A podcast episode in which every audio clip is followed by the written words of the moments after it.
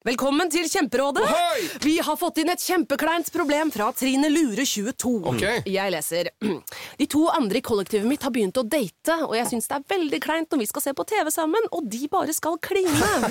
Ok, ja, Yes. Hvordan skal hun løse dette? Siden Trine Lure er under 30, får hun jo ubegrenset data fra Telenor fra 399 kroner. Da Da kan hun sette seg på sitt eget rom, streame så mye hun vil på mobilen. Ja, hun kan jo se på nye mobilabonnement på telenor.no. Ja, det er lurt. Må forfattere like å lese bøker? Og hvilken bok skulle de ønske at de hadde skrevet sjøl? Du hører på podkasten Oppdag nye sider, en podkast med forfattere i Mammutsalget. Om bøker, skriving, lesing. Ja, det å oppdage nye sider. Inger Merete Hobbelstad og Sersan Shakar, velkommen. Takk for det. Takk, takk. Inger Merete, du er litteraturviter, kulturanmelder i eh, Dagbladet og journalist og forfatter. Og du, Seshan, du er statsviter, byråkrat og forfatter.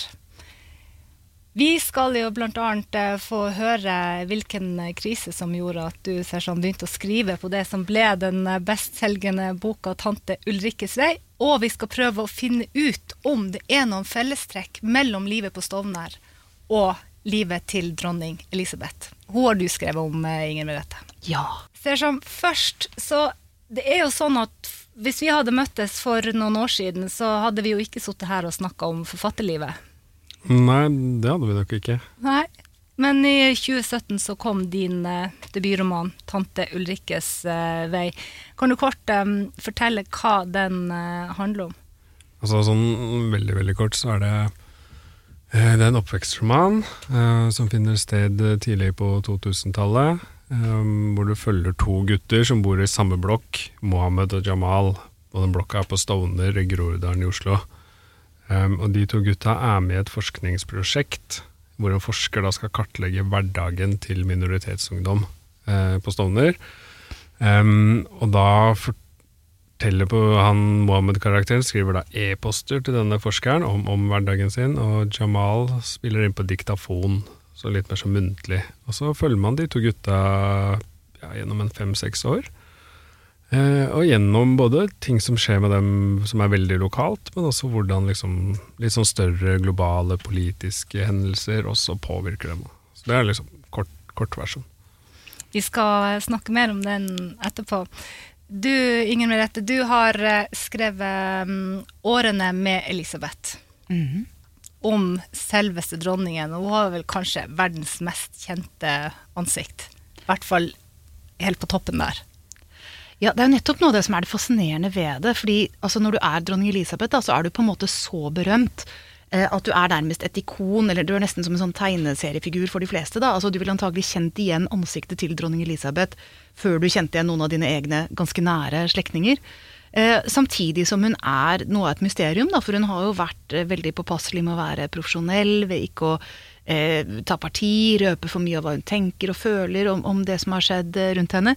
Samtidig som hun har vært vitne til eh, noen av de største begivenhetene i verdenshistorien, møtt alle de tunge aktørene på verdensscenen. Så det er, det er noe med den kombinasjonen som er veldig eh, interessant, da. Eh, altså den følelsen at, at denne kvinnen må ha et vell av tanker og følelser med alt hun har stått oppi, eh, som man ikke kjenner til. Og den på en måte tilknytningen man føler til dronning Elisabeth på den måten, da, som en person som liksom alltid har vært der, og som samtidig er noe av en gåte, syns jeg er veldig fascinerende. Begge disse bøkene er på Mammutlista, og vi skal snakke om de straks. Men først så hadde jeg litt lyst å um, bli litt bedre kjent med deres forhold til bøker. Og Inger Merete, du er jo litteraturviter, så det ligger vel i bunnen der at eh, det har vært eh, mye bøker lenge. Ja, jeg er jo lærebarn, så jeg er litt sånn skada av det. eh, Og foreldrene mine pleide å tulle tidlig med at det måtte bli noe med litteratur. fordi på et punkt da jeg var seks år, tror jeg, så hadde de sett Le Miserable og kom hjem og fortalte meg om historien der, og jeg syntes liksom det var fantastisk, og gikk og tok ut de store bindene fra bokhylla, liksom skulle prøve å lese det. da, Det gikk jo sånn passe, selvfølgelig. Eh, Men jeg bladde meg raskt frem til slutten da, for å lese siste, siste kapittel. Og jeg tror foreldrene mine var ute og jobbet i hagen, og så plutselig hørte de sånn ul innenfra huset. da. Og de trodde jeg hadde falt og slått meg, og løp inn og bare var i veien. Og nei, da hadde jeg lest Jean Valjeans død da, i, i, i det elendige, og var jo utrøstelig. Eh, og det var på en måte kanskje den første sånn store leseropplevelsen på egen hånd, de 20-30 sidene der.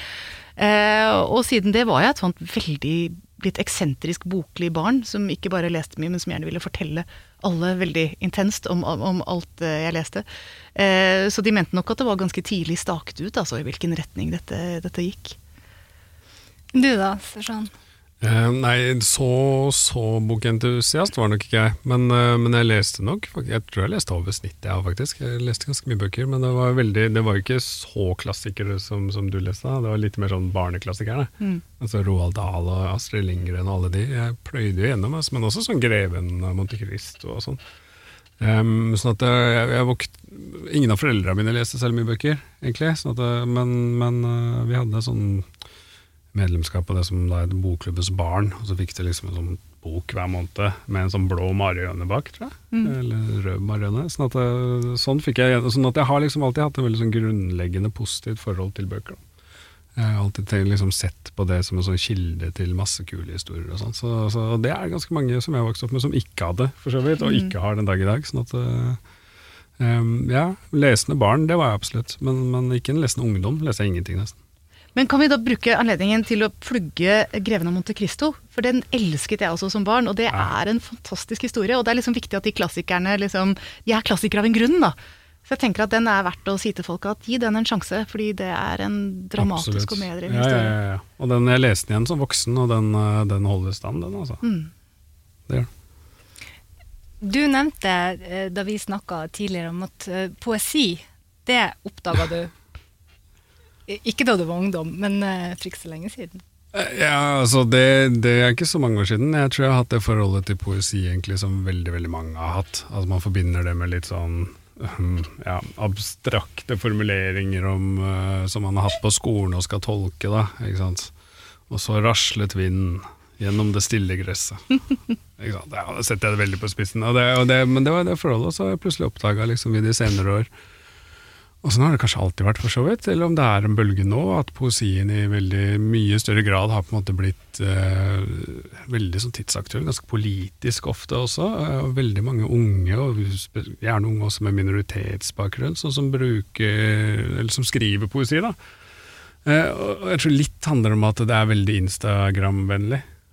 Ikke sant? Jo, men det er det, ikke sant? Du kan jo bokstavelig talt poste et dikt eller hva det skulle være på, på Instagram, men samtidig så, så er det også kanskje et sted for veldig mange Så er det kanskje en lavere terskel for å uttrykke seg på da, enn å skrive en roman eller en novelle, f.eks. Ditt forhold til poesi? Jeg er litt sånn omvendt. Jeg leste mye poesi da jeg var tenåring, og sånn, og så har det sklidd litt i bakgrunnen ettersom jeg ble voksen. Og, eh, og det har vært så mange romaner jeg har lyst til å lese, og så har jeg ikke helt hatt tid. Og så har jeg på en måte prioritert å lese no, noen sider tidlig eh, i din jeg har anledning. Eh, men bare i tråd med at jeg som du skjønner var et litt pussig barn, da, så var jeg også sånn som likte å lære meg dikt utenat. Eh, altså Den forrige boken min handlet om eh, Shakespeare. Og jeg var sånn som, bare fordi jeg syntes de var så uendelig vakre, da. eh, at jeg lærte meg de, eh, en del av de sonettene utenat og gikk liksom rundt langs åkeren hjemme i Hokksund og liksom sa dem høyt for meg selv, bare for liksom å høre musikken i de, de setningene og sånn. Og, det er en sånn, og jeg husker jo mange av dem fremdeles, men det er en sånn egenskap du aldri aldri får bruk for. Da, for som voksen det er ingen som kommer til å be deg resitere en sonette noen gang, og det er heller eh, aldri en situasjon der det er spes spesielt sosialt intelligent å tilby seg eh, å gjøre det. Så det er bare Forlags, forlagsfest, kanskje? Kanskje på nachspielet, eller ja. Kanskje ikke. Kanskje, Jeg får håpe at det kommer liksom en quiz fra himmelen en gang, eller noe, hvor de spør hva som er tredje verselinje i en av de sonettene. Ja, vi, eh, vi forlater poesien, og så eh, går vi over til samtidslitteraturen, tenker jeg. Eh, sånn, Du er fra Stovner i Oslo, som vi var inne på, og er jo da forfatter av 'Tante Ulrikkes vei'. Den solgte 150 000 eksemplarer. Og nå har du gitt ut bok nummer to, Gul bok. Eh, det har jo vært noen heftige år. Er det sånn at du begynner å kjenne at du begynner å få pusten igjen, og tempoet er nede, eller Eh, nei, egentlig ikke, men jeg begynner, jeg begynner kanskje å bli mer vant til det. Det var jo ganske sånn um, surrealistisk opplevelse, egentlig. Fordi hele den skriveprosessen den er jo lang, og den er ekstremt sånn introvert. Den er jo kjempeensom. Og Spesielt når du er debutant, for da har du ikke et forlag å spare med heller. Da. Du sitter jo der bokstavelig talt for deg sjøl, og så sitter du og jobber og jobber og jobber. Eh, og så, med en gang den på en måte kom ut, så ble det jo sånn kjempeekstrovert. Så det er veldig sånn øh, Hva blir det? Natt og dag. Em, så jeg har blitt mer vant til det nå, altså. Men, uh, men det er fortsatt Jeg tar meg sjøl ofte syns det er jævlig øh, surrealistisk, liksom. Ja ja, jeg gjør jo det. Så jeg kom såpass seint inn i liksom hele det forfatter... Eller ja. Det, det, jeg var liksom ikke en av de som vokste opp som 14-åring og ville bli forfatter. Eh, sånn at det var liksom et sånn sideprosjekt på mange måter, og så vokste det og ble veldig, veldig stort. Heldigvis, da. Selvfølgelig. Heldigvis. Og så har du liksom fått tittelen som Hemstad-dikter fra Stovner, og kanskje den første, eh, fra den delen av byen. Og du fortalte meg også at du, det var en slags krise som gjorde at du i det hele tatt begynte å skrive. Ja, altså bare for, bare for å ta det aller første, da, Groruddalen har jo masse forfattere. faktisk. Masse, masse forfattere. Jeg trenger ikke liksom ramse opp alle de nå, men, men, eh, men det har vært Men veldig mange av de er liksom sånn 50 pluss, 60 pluss. Så, så ja, men nå kommer det jo flere unge, da. Men nei, jeg begynte Jeg var jo veldig, ikke sant veldig tilknytta det området jeg bodde, og veldig mye av liksom min identitet da, for å si sånn, var liksom knytta til det stedet og til den oppveksten og sånn. Og, så, og Da fikk jeg en sånn 30-årskrise hvor jeg liksom, jeg bodde ikke der lenger, hadde en annen type jobb. Hvor jeg var liksom sånn ja, det høres, jo, det høres jo veldig rart ut, men jeg, liksom, så, jeg reiste liksom til Tokyo aleine og gikk rundt der en uke og håpa på å møte Scarlett Johansson på et eh, hotell, men det skjedde jo selvfølgelig ikke. Eh, men, eh, men det den gjorde i forhold til skriving, var at jeg hadde veldig sånn behov for på en måte huske, på en eller annen måte. Altså, det ble nesten en mer sånn dagbokaktig starten på det, liksom. Ah, vi har opplevd så mye, de, jeg må jo skrive ned det her, ellers så blir det glemt, på en måte. Ikke sant? Det var sånn Finne seg sjæl, på en måte. Eh, og det ble noen enkeltscener som ble noen flere, og til slutt så fletta de seg sammen og ble, ble en historie, egentlig. Men de to eh, guttene som vi blir kjent med, Mo og, og Jamal, de er jo fiktive. Eller Ja, ja, ja. har de mye virkelighet fra ditt liv? Nei, nei altså, de er som, som alle andre litterære karakterer, tror jeg. De, de bunner jo ut i på en måte forfatterens erfaringer, til syvende og sist. Eh, Men, men de er absolutt fiktive. Altså. Og så er det jo to ytterpunkter. Altså, de, de er på en måte representerer et helt svært spektrum. Da. De er jo, og, og på en måte også litt eh, representerer de stereotypiene av minoritetsungdom, spesielt gutter kanskje. Enten så er det veldig sånn strebete og skoleflink, eller så er du liksom den som ja, havner litt på utsida av samfunnet og, og står der med hettegenseren på gata, liksom. Den typiske stereotypien. Tilsynelatende, da. I hvert fall. Så det, ja, de er ytterpunkter. Inger Merete, du, eh, du er, har jo en, et, et faktadrevet prosjekt i, i, i din bok. Skulle du av og til ønske at du kunne være friere og eh, dikte mer, sånn som Seshan gjør, eller trives du best i, i å forholde deg til fakta? Å nei, jeg syns det virker skrekkinnjagende å være skjønnlitterær forfatter. Stå der med det blanke Word-dokumentet og bare nei, nå kan jeg gjøre hva jeg vil med det. på en måte. Eh, Jeg syns det virker veldig veldig skummelt. Så jeg, det å ha fakta som et sånt rekkverk syns egentlig er uh, veldig behagelig. Altså. Selv om det selvfølgelig er frustrerende til tider, fordi uh, ikke sant, iblant er det noe som er litt uklart i kilden, eller hvor kommer det egentlig fra. og Uh, En sånn anekdote som blir gjengitt, og du tenker ok, dette er en fin anekdote, men jeg vil gjerne vite hvor den kommer fra hvis jeg skal bruke den. Eh, og der hadde jeg noen sånne morsomme eh, eh, øyeblikk hvor jeg måtte bestille sånne gamle 70-tallsbiografier på eBay om prinsesse Anne og sånn, og så kommer de i posten, og så faller det ut noen gamle familiefotografier som noen har glemt igjen der. og og det var, det var veldig, veldig fint, da. Og jeg syns jo det er Men ikke sant, det er jo på en måte Du må gå inn i det både med en slags blanding av selvsikkerhet og ydmykhet. da. Fordi det er noe med å ha respekt for at dette er levende mennesker, og jeg er ikke inni hodet deres.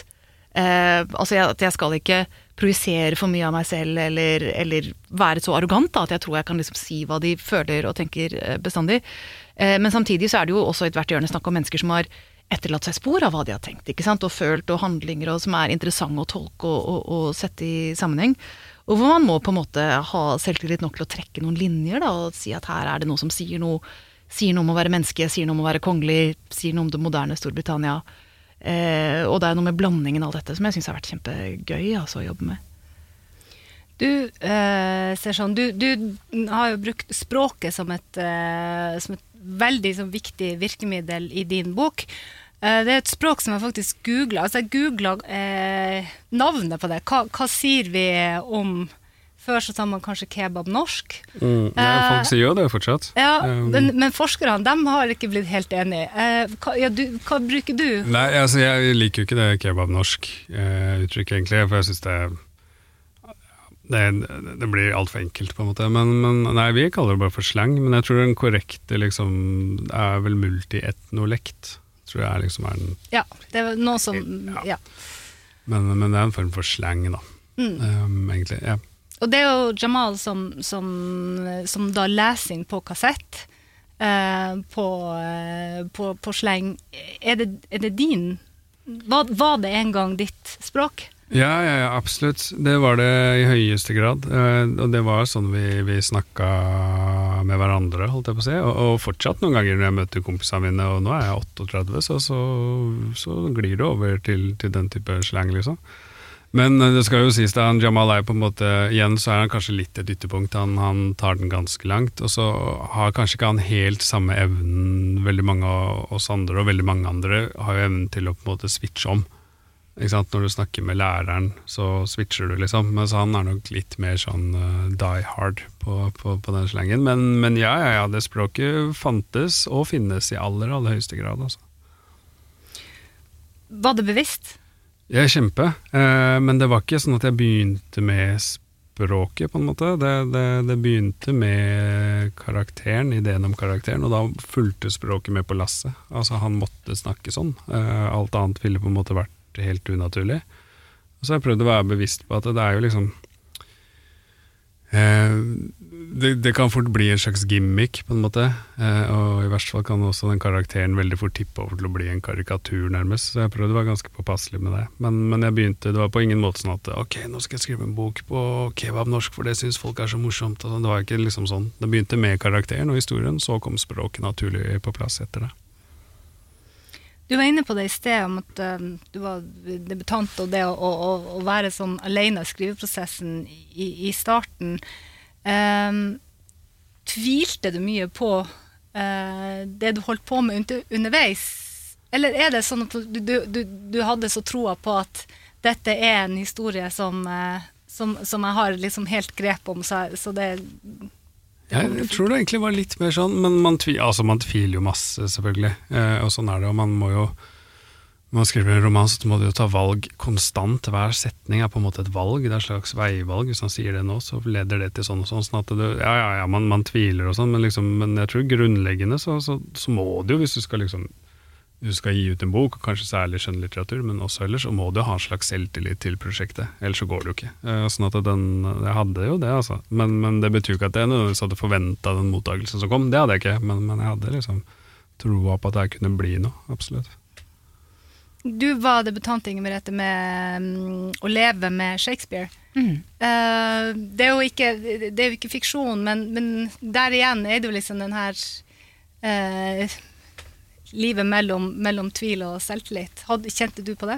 Eh, Absolutt, og, og med begge bøkene, vil jeg si. Og det er litt sånn, du kan si det er litt merkelig, fordi jeg har en jobb, altså jeg er kommentator i Dagbladet, og der skriver jeg tekster hele tiden, og får respons på dem. Da, altså Kanskje vekker de debatt, eller, eller kanskje gjør de ikke det, eller, eller Altså, man får hvert fall Man er en del av en løpende dialog da, når man skriver sånne tekster som jeg gjør.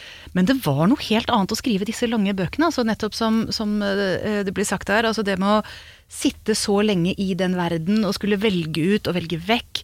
Eh, og det at du går så lenge og ikke vet hvordan dette vil virke på noen som ikke har fullt, vært en del av den prosessen i det hele tatt. Da, hvor bare det der distillerte eh, som kommer ut på slutten, er det, du, det som står igjen etter det arbeidet.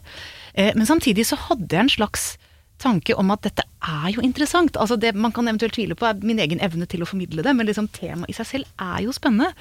Og, og, du kan si at noe av det som var utgangspunktet for meg med den eh, årene med Elisabeth, da, det var jo at jeg skrev en kommentar i 2017, da det var 20 år siden prinsesse Diana døde. Og jeg har egentlig aldri hatt noen sånn spesiell interesse for kongefamilien. Jeg har vært veldig sterkt interessert i Storbritannia, men liksom ikke, ikke den rojale biten av det. da. Eh, men så hadde jeg lest litt om, om, lest litt om henne i britiske aviser, eh, fordi mange skrev om det pga. disse 20 årene da, som har gått. og, og tenkte jo at dette er jo fascinerende. Altså hun er jo, altså det eksempel med at hun var både et medieoffer og en mediemanipulator samtidig. da. Altså En som ble forfulgt og brukt av mediene, men en som også brukte også mediene ekstremt aktivt, og som bl.a. former veldig hvordan vi tenker om det som skjedde mellom henne og prins Charles. Da. Så for jevnt over er det prinsesse Dianas versjon vi går rundt og tror på, som ikke alltid var helt kanskje i synk med virkeligheten. Eh, så jeg skrev en kommentar om det, og jeg tror jeg fikk flere sinte e-poster etter den kommentaren enn noe annet jeg har skrevet. Altså Glem ulv, glem feminisme, glem liksom innvandring. Nei da. Det er liksom Skriv om prinsesse Diana, og da får du folk på nakken, altså. Eh, og, var, og det var veldig mange som, var, som følte at jeg var slem med henne. Og her var dette vakre mennesket, og hun betydde så mye for meg og for mange andre, og så kommer du og hopper på graven hennes. Og jeg tenkte, men det er jo ikke det jeg gjør. Altså Du kan si at det med å si at hun var en mediemanipulator, og du kan jo si at hun var ikke noe nek, liksom. Hun passet på seg selv og sine interesser, og du kan jo like gjerne si at det er et tegn på styrke. Men det som var så interessant for meg, det var å merke at ok, her er jeg over i følelsenes rike. I den grad at bare det å være analytisk virker provoserende. Altså bare det å gå tre skritt tilbake og si hva var det egentlig som skjedde her. Eh, bare det føltes som en fornærmelse da, for folk som var veldig investert i det. Eh, og jeg syns alt som vekker så sterke følelser, er veldig interessant. Altså jeg tenker Da hun døde i 1997 og Storbritannia gikk av skaftet ikke sant? Altså I 14 dager var det ingen andre nyheter som trengte igjennom. Hvordan kan noe sånt bare oppstå? Um, og, og, det var egentlig det som Og det, og det gjelder egentlig altså Det var ekstremt med prinsesse Diana, men det gjelder kongefamilien som sådan. Da, at det er, altså det er en helt åpenbart anokronistisk institusjon, ikke sant? men som fremdeles hvor det er følelsesmessige bånd knyttet til det. Det er eh, en følelse av, av eh, historie og kontinuitet, og, og, hva det vil si å være en del av en nasjon. Eh, som, som, holder seg i live, og, og, som har veldig mye å gjøre med nettopp disse emosjonelle båndene. Og, det, og det hadde jeg en sånn merkelig selvtillit på hele tiden. At nei, dette, dette er ikke bare jeg som syns er spennende, dette er spennende. og så var det da spørsmålet om, om jeg ville kunne få det frem på en god nok måte. Da. Reaksjoner lokalt fra kompiser og bekjente? og... Yes, de er jo programforplikta til å skryte, egentlig, da, men, eh, men, men eh, det er jo ikke sant, Tante Ulriksvei er jo på en måte så er det jo en ganske sånn Deler av den er egentlig en veldig sånn universell historie, som handler om liksom å vokse opp, om utenforskap og sånn, men, men, den er jo også veldig veldig knytta til det lokale. altså Det ligger jo i tittelen, er jo en faktisk gate. Um, sånn at for meg, det er jo klart for meg var det aller viktigste publikummet var jo de jeg kjenner som har liksom vokst opp si, ish på den tida med, med den bakgrunnen og sånn. Og hvis de på en måte hadde sagt at ok, det her det funka ikke, så det, det hadde jeg tatt veldig, veldig tungt. Um, så heldigvis har ikke det skjedd. Altså, jeg opplever liksom tvert imot at de er liksom stolt, kanskje. Eller i hvert fall de jeg kjenner. da Og, og veldig mange andre også, som sender meg meldinger, liksom. Som er Jeg tror de først og fremst er glad fordi de føler seg anerkjent, på en eller annen måte. Altså at det, det oh, shit, dette er noe som liksom handler om meg og mitt liv, og endelig blir det liksom løfta fram og, og, tatt på alvor, kanskje, da. Eh, I, i kulturen, eller særlig da i litteraturen, kanskje. Sånn at det, det, ja, det er veldig sånn behov for anerkjennelse, og det, det, er vel kanskje det jeg sitter mest igjen med, med tilbakemelding fra, fra liksom folk rundt meg. Altså jeg er en av de hundre og hvor mange tusen det nå var som har hatt stor glede av, av Tante Ulrikkes vei. Eh, og jeg tenker på en måte at, at, nettopp det at det er veldig spesifikt knyttet til et miljø, det er ikke noe man som romanforfatter skal være redd for, fordi alle våre liv er spesifikke. Mm. ikke sant? Altså, så du kjenner kanskje ikke igjen den spesifisiteten, det nærmiljøet, det språket, men du kjenner igjen at det er et spesielt språk, at det er koder ikke sant? Fra, fra ditt eget liv, og, og, det at det er gjengitt på en troverdig måte, gjør jo også at historien som sådan blir blir lettere å leve seg inn i. Jeg tenkte på det jeg skrev om de kongelige, da, og, og jeg tenkte på det i fjor høst da jeg så dette forferdelige intervjuet med, med prins Andrew, som ble gjort etter at han ble en del av denne sexskandalen rundt Jeffrey Epstein. Og han gjorde jo jevnt over en helt forferdelig figur i det intervjuet, men, men, han sa noe som jeg tenker at ja, det tror jeg er helt sant. Ut fra det jeg har lest, så tror jeg det er helt sant. Eh, fordi intervjueren spurte ham ja, men når du var på disse festene, la du ikke merke til at noe var litt rart? Eh, og prins Andrew sier at ja, men det er litt rart når sånne som jeg er til stede. Og det er helt riktig. fordi altså, hvis du er i en eller annen sosial sammenheng, og det er en kongelig der, så blir alle litt stive, og alle blir litt rare. Og det er en sånn protokoll som gjelder som ikke sant, folk plutselig blir veldig bevisst på. Eh, og det er jo noe de kongelige må finne en måte å håndtere på, ikke sant. Eh, så du kan si at som kongelig så vil du alltid ha den at folk eh, responderer på deg på en bestemt måte. Og du kan alltid stille deg spørsmålet er det nå meg, personen meg, de responderer på, eller er det det jeg representerer? det ved meg som er annerledes, det ved meg som ikke er som dem. Da. Så du får et sånt ekstra lag av selvbevissthet. da. Eh, som, som, folk i varierende grad eh, håndterer. Altså Ta dronning Elisabeth. da. Altså, hun tar jo imot folk i audienser hele tiden. Det eneste du kan være helt sikker på, er at idet den personen kommer ut fra audiensen, så ringer de mamma. Ikke sant? Og mamma spør ja, men hvordan var hun egentlig? Ikke sant? Em, så det er en sånn fundamental skjevhet der, da. Eh, som, altså det, er, det er på en måte altså Vi andre har på en måte Ja, vi, vi har eh, Vi har ikke slått over liksom, den tilgangen på pene klær og, og, og eh, alt dette her, men vi har på en måte den litt sånn roen i at mange av samtalene vi har, er jevnbyrdige, da. Eh, som jo det er en avslappethet i, og som de har i langt mindre grad.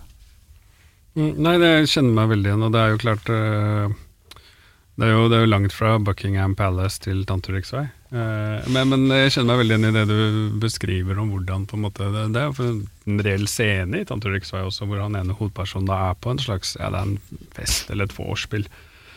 Eh, og, og er den eneste der som på en måte ser ut som han, og, og, og i veldig stor grad opplever litt som Prince Andrew, uten sammenligning for øvrig. Altså han, at han på en måte er en funksjon fremfor, fremfor et menneske, nærmest. Det høres jo veldig overdrevet ut, men at han liksom han er en funksjon. Han, han eh, alle liksom det blir, det blir fort det de snakker om. Ja, hørte du hva han sa om det og det? ikke sant? Sånn at det er jo liksom lik en lik opplevelse, som, som for han, akkurat som du også var inne på, skaper en veldig sånn selvbevissthet. Mm. Veldig bevisst på det. Eh, og det, sånn er det jo varierende grad hos folk, eh, men, men, men den, er, den er jo veldig gjenkjennelig. Um, hvor han, han er veldig liksom bevisst på sin, sin rolle som representant. da. Eh, og, tolker både det folk sier til han og, hva han selv sier, inn, inn i den rollen. Og så kan man jo diskutere i hvor stor grad han på en måte pålegger seg selv det, eller blir pålagt det. Men, men det er jo definitivt liksom et samspill der, og en følelse av, av, av, av som du sa, altså, av, av, å i hvert fall, om ikke helt, så i hvert fall at man er litt en, en funksjon. At du er der i form av en funksjon du er. Du er ikke bare et individ, da. du er ikke bare et individ, du er ikke på en måte en jevnbyrdig samtalepartner. Eh, ja. Vi skal over til vår eh, faste spalte, Noen kjappe. som er altså noen, noen eh, kjappe spørsmål som eh, har utgangspunkt i Mammutlista. Skal dere få lov til å hjelpe oss vanlige lesere til å, til å finne bøker som, som er verdt å bruke tid på? Forresten, må, må forfattere like å lese, tror dere? Ja, det, jeg tror det. Ja, det tror jeg òg. Og du må på en måte være nysgjerrig på hvordan ting skrives og hvordan historier fortelles, ellers så tror jeg dette blir ganske traurig å jobbe med. Ja, Nei, men eh, da kjører vi da. Um, ser sånn, boka du må sikre deg. Um, ja, jeg kan anbefale det, det er en biografi, alle ting. Jeg har vært på litt sånn biografikjør i det siste, eh, og den er norsk. Det er Hans Olav Lahlum sin biografi om Reiulf Steen, som er ganske tjukk. Men ikke la, men ikke la det avskrekke av den grunn, den er veldig veldig god. Og den historien om Reiulf Steen, vi har snakka mye om klassereiser i dag, den er jo i høyeste grad det, og på mange måter en slags sånn miniatyrhistorie om høres litt pompøst ut, men om Norge, egentlig. Eh, eh, og i hvert fall om, om Arbeiderpartiet og sosialdemokratiet. Eh, som, som liksom byggesteinen for det Norge vi er i dag. Så, så den anbefaler jeg på det varmeste. Boka du må si. Ja, altså jeg har jo i hvert fall, hvert fall sett en bok der som jeg regner som et rent ubestridelig mesterverk. Da. Eh, og det er boken til Art Spiegelman som heter Mouse. Altså hans tegneserieroman fra Holocaust. Eh, som jo høres ut som en litt sånn merkelig kombinasjon, da. Eh, men som er bare en helt, altså på sitt vis merkelig vittig, men først og fremst bare helt sånn kolossalt sterk eh, historie om om det å være en jødisk familie altså han, Det er jo han er basert på en samtale han har med sin far, da, som er en holocaust-overlever, og som han har et ganske vanskelig forhold til. og prøver å komme til bunns i dette, hva som egentlig har skjedd med, med faren. da. Eh, og, og hvor det er på en måte historien om farens liv, og hvorfor noen kom seg ut, og hvorfor noen ikke kom seg ut eh, fra, fra Nazi-Tyskland. Og et grep han jo gjør, som er altså på en måte linker det veldig med tegneserietradisjon, men som også er utrolig effektivt, det er jo at han tegner eh, jødene som mus og nazistene som katter. Eh, og det du får veldig følelsen av da men, altså På en måte så kobler det til en sånn rar sånn Tom og Jerry-dynamikk på den siden. Men det gjør jo også til at du veldig får den følelsen av, av det at de som er forfulgt, de vet at det som gjør at de forfølger meg, det er noe iboende ved meg. Det er ikke noe jeg har gjort, det er ikke noe jeg kan gjøre annerledes. Det er som, det er den jeg er. Det er den jeg har med meg overalt. Eh, og det er på en måte litt sånn angstfylte som er knyttet, eh, knyttet til det. da. Uh, og det var en helt fantastisk leseropplevelse, og, og alle må kjøpe den. Boka du har store forhåpninger til. Sersan. Um, ja, Nå høres det ut som jeg er sånn monomant opptatt av liksom klasseting og sånn, og det er kanskje litt sant, faktisk, men da, da valgte jeg, for den har jeg ikke lest, eh, som heter 'Mamma er trygda' av Mimir Kristiansson. Han er en Rødt-politiker, eh, men også tidligere journalist og, og skribent og, ja, i det hele tatt. Um, og jeg har hørt veldig mye godt om den. Den handler jo, som tittelen tilsier, da, om moren hans, um, og etter hva jeg har forstått, så så han er jo ja, Han tilhører på en måte venstresiden av politikken, men uh, og har alltid tenkt på Hva var det jeg hørte han forklare det som? Altså, han har aldri tenkt på sin egen mor som trygda. Eh, rett og slett. Når han har snakka om trygda i forbindelse med politiske saker, så har han alltid tenkt på noe andre. Han har liksom ikke tenkt på sin egen mor, men hun har jo vært det, da. Og det er noe med at man, man ser jo ikke alltid på en måte det som er nærmest seg sjøl. Og så har han da fortalt den historien til, til denne moren, eh, etter hva jeg har skjønt, veldig eh, både en liksom politisk bok, eh, men også men aller mest et liksom portrett av et menneske. Eh, Så jeg gleder meg til å lese. Jeg har hørt veldig veldig mye gode ting. Eh, jeg har hatt Nasneen Khan Østrems bok om London liggende lenge, og ja, får jeg tommelen opp Tommel opp fra meg. Jeg har lest bare noen kapitler, men Ja. den er god, altså. Det tror jeg så veldig, og jeg bare gleder meg til å lese den. eh, Og, og det har jo også litt Altså du kan tenke deg at, at den er på en måte eh, det Storbritannia som jeg ikke tar opp så mye da i min bok, fordi jeg skriver om den litt sånn kjernen inn i det eh, britiske eh, etablissementet, mens eh, Nasneen eh, har jo med alle som kommer utenfra på en eller annen måte, ikke sant? om det er folk som har bakgrunn fra Karibien, eller om det er styrtrike russere, eller hvem det nå er da, som har London som base, og som også har formet og former den, den byen. Eh, og hvor bildet av London og moderne Storbritannia er på ingen måte komplett uten den historien, ikke sant? Og, og jeg tenker med, med et sånt bilde av Storbritannia som fremdeles kanskje er for mange av oss er ganske hvitt, da, ikke sant? som er litt sånn formet av Agatha Christie-krim på TV. og Eh, altså det liksom, altså man, Postman Pat da vi var barn. og- Altså, ikke sant? Altså det, det bildet man har hatt med seg lenge av Storbritannia, har vært det veldig sånn tradisjonelle Storbritannia. da. Eh, og at det er viktig å ha i mente at Storbritannia er noe mer og noe annet enn det. Og, og alle sier at denne boken gir et veldig flott bilde av det, og det gleder jeg meg til å finne ut av. Hvilken bok på Mammutsalget skulle du ønske at du hadde skrevet sjøl? Um, Da har jeg ikke funnet noen. Har, du- har du sett på deg? Ja, altså igjen dette med min, eh, min fascinasjon for folk som faktisk klarer å dikte. da. Eh, Så vil jeg si at eh, romanene til Rachel Cusk, altså 'Omriss', 'Transitt' og, og 'Kudos', er eh, ekstremt gode. Og de er jo også, hun har jo ikke lagt, lagt skjul på at de er dels basert på hennes egen eh, erfaring da, med å være eh, skilt, med å skulle liksom skape seg et voksenliv på nytt, med å møte folk liksom bare som seg selv og prøve å plassere dem i et kart. Eh, men altså, hun har noe av det jeg beundrer veldig i romanforfattere. Dvs. Si at, hun- på den ene siden er veldig følsom for det menneskelige. Bare det rotete og kompliserte menneskelige og det følelsesmessige som er med i alle ting. Samtidig er hun helt usentimental, da. Eh, altså det er ingen søtladenhet, ingen liksom eh, pompøsitet. Det er bare et litt sånt empatisk, men samtidig litt hardt blikk på hva som faktisk skjer f.eks. når folk skiller seg. da. Eh, eller når folk prøver å finne noe nye, eller når folk skal etablere et litt sånn nytt forhold til barna sine, når det er en ny måte å leve på. Eh, og hun, hun er barsk. Hun er ordentlig barsk og tøff og, og glatter ikke over noe som helst. Og samtidig så er hun veldig, veldig observant. Eh, så det er Altså hun har Sånn sett har hun evner som jeg jo kan si at jeg skulle ønske jeg hadde, da. Ja, nei, jeg, jeg er så lite ubeskjeden at den boka jeg gjerne skulle skrevet, som, som er på Mammutsalget, er, eh, det er en kjempe, kjempeklassiker. Det er 'Idioten' av Fjodor Dostojevskij. Den skulle jeg veldig gjerne ønske jeg skrev selv. Jeg leste den da jeg var tipper jeg var sånn 20-21 år, så det er ganske lenge siden nå. Så jeg skal ikke gå i noe sånn langt handlingsreferat fra den. Men det jeg husker jeg tenkte allerede da, og det var jo kanskje spes å, å tenke, men jeg husker jeg tenkte at han hadde så peil på mennesker. Det husker jeg satt igjen med etter at jeg hadde lest den boka. Å, han har skikkelig peil på mennesker. Gikk jeg rundt og sa til folk som ville høre, og litt som deg når du var nede i Hokksund og siterte dikt, så var det egentlig ingen som ville høre. Men uh, jeg har gått rundt og tenkt det, så jeg har veldig lyst til å lese den en gang til, egentlig. Han er jo psykologiens uh, mester, Absolutt. Det var også en bok jeg leste i nettopp denne samme formative perioden. Jeg kan si at den funker veldig godt hvis du er en litt sånn tenåring av den typen. Så er det, anbefaler jeg også å plukke opp den. Forfatteren du alltid kommer tilbake til. Forfatteren jeg alltid kommer tilbake til? Um, tja, jeg tror jeg skal holde det litt mer uh, til samtidslitteraturen enn Shakespeare. Og så skal jeg til Sverige, til en som heter Jonas Hassen Kemiri.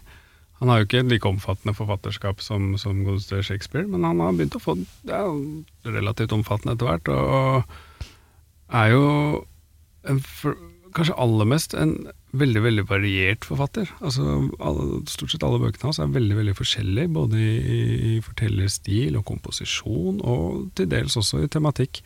Og han starta med det som var på en måte en sånn svensk klassiker innen sjangeren, hvis man kan kalle det, Et øga rødt, som var historien da om en sånn kid som vokste opp i en forstad i Sverige. Og liksom så verden, verden gjennom blikket hans, uh, skrevet på slang. da.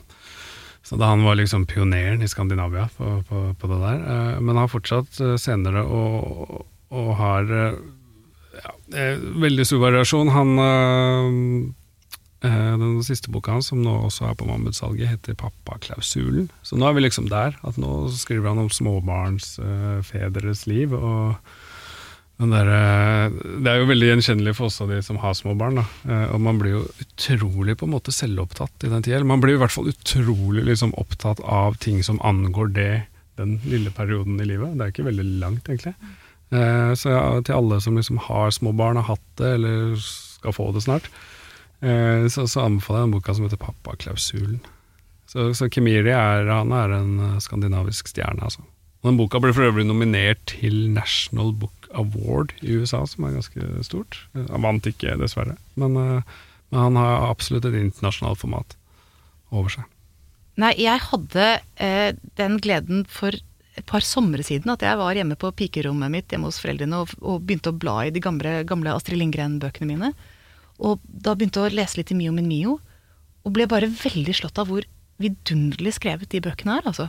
Eh, hvor poetiske de er, og, og, og, samtidig uten å være svermeriske eller liksom dvaske, og, og, i hvilken grad de tar barn på alvor. Da, at barn kan håndtere fortellinger om, eh, om død og om ondskap og om krig og om ting som ikke alltid går bra.